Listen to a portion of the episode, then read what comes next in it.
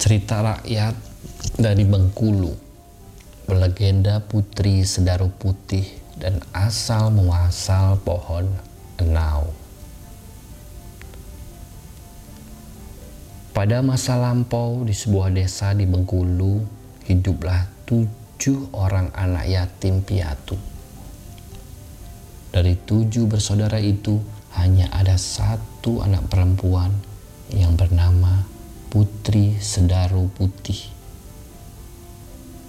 Sehari-hari mereka hidup sebagai petani.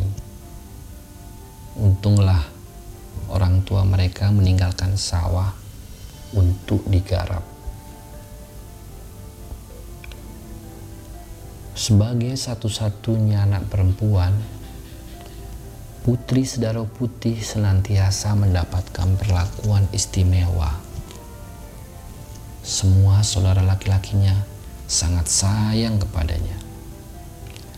Mereka selalu berusaha menyenangkan hati putri Sedaru Putih dengan selalu mencukupi kebutuhannya. Sesuai dengan namanya, Putri Sedaru Putih benar-benar merupakan seorang putri di rumah mereka yang sebetulnya sangat sederhana. Hingga pada suatu malam, Putri Sedara Putih bermimpi.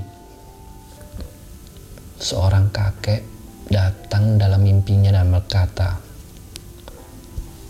Ajalmu sudah dekat nak, bersiap-siaplah, ujar sang kakek. Ketika kau telah tiada nanti, dari kuburmu akan tumbuh sebuah pohon yang sangat berguna bagi banyak orang tambah si kakek sesaat sebelum menghilang. Ketika terjaga, putri Sedaru Putih mendapati pakaiannya basah oleh keringat. Walaupun hanya mimpi, Putri Sedaru Putih percaya akan omongan kakek dalam mimpinya barusan.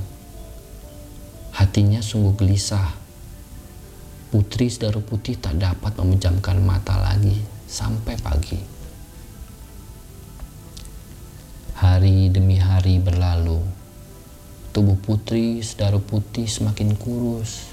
Matanya sayu, wajahnya terlihat pucat. Putri Sedaru Putih terus-menerus memikirkan mimpinya. Ia tak selera makan dan susah tidur di malam hari. Saudara-saudara Putri Sedaru Putih mulai melihat perubahan yang terjadi pada dirinya Akhirnya pada suatu siang kakak tertua bertanya padanya. Apa yang terjadi padamu, Dik? Tanya sang kakak menatap putri sedaru putih. Aku lihat tubuhmu semakin kurus, tambahnya. Tadinya putri sedaru putih enggan untuk bercerita, tapi karena melihat wajah kakaknya yang penuh kekhawatiran, ia tak sampai hati. Putri Sedara Putih akhirnya menceritakan mimpinya. Sang kakak mendengarkan sambil mengusap-usap punggung adiknya. Sebaiknya lupakan saja mimpi itu di katanya pelan. Mimpi itu hanya bunga tidur, percayalah. Mimpi itu hanya sekedar mimpi. Tambahnya lagi meyakinkan Putri Sedaru Putih. Sang adik mengangguk. Ia berpikir apa yang dikatakan kakaknya itu benar. Setelah menceritakan mimpinya itu, hati Putri Sedaru Putih mulai lega. Ia menjalani hidupnya lagi seperti sedia kala. Badannya mulai tidak kurus lagi, wajahnya mulai kembali bersinar.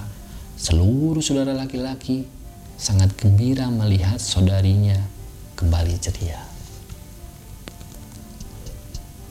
Sampai pada suatu pagi, semua saudara putih saudara putih heran karena ia melihat putri belum bangun meski matahari mulai bersinar terang.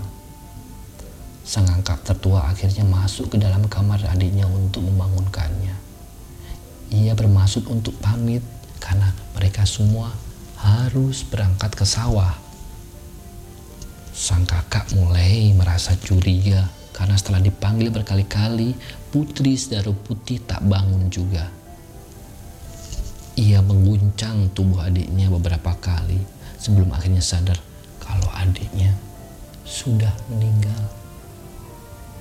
Teriakan sang kakak membuat semua saudaranya berlarian masuk ke dalam kamar. Mereka semua menangis begitu tahu bahwa saudari satu-satunya mereka akhirnya meninggal dunia. Putri saudari Putih dimakamkan di halaman belakang rumah mereka. Sang kakak amat terpukul atas kepergian adiknya. Ia tak menyangka mimpi adiknya itu menjadi sebuah kenyataan. Tiap hari semua saudara putri saudara putih bergantian membersihkan kuburnya. Pada suatu hari, salah seorang adik laki-lakinya memperhatikan ada sebuah pohon tumbuh di atas besar adiknya. Hari berlalu tanpa terasa, pohon itu telah tumbuh besar. Sang kakak tertua memberi nama pohon itu sesuai nama adiknya, Sedaro Putih. Kira-kira lima tahun kemudian pohon sedaru putih telah berbuah. Buahnya berwarna merah, membuat banyak tupai datang mencoba menggigitnya. Akibatnya banyak tangkai buah yang terlepas. Tanpa sengaja, sang kakak tertua melihat ada cairan yang keluar dari batang pohon bekas tangkai yang terlepas.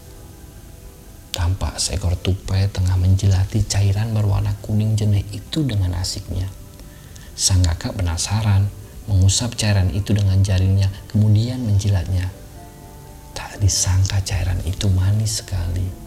Sang kakak segera mengajak adik-adiknya untuk mencicipi cairan itu. Karena ketagihan, mereka berusaha menampung cairan itu dalam sebilah bambu. Cairan yang keluar dari batang pohon sedaru putih akhirnya terkenal di seluruh Lampung. Warga rame-rame menambung cairannya dan memasaknya supaya tahan lama. Pohon sedaru putih sangat ini terkenal sebagai pohon enau dan cairannya dihasilkan merupakan bahan pembuat gula merah. Pesan moral, jangan terlalu memikirkan dan mengkhawatirkan sesuatu yang belum tentu akan menjadi kenyataan.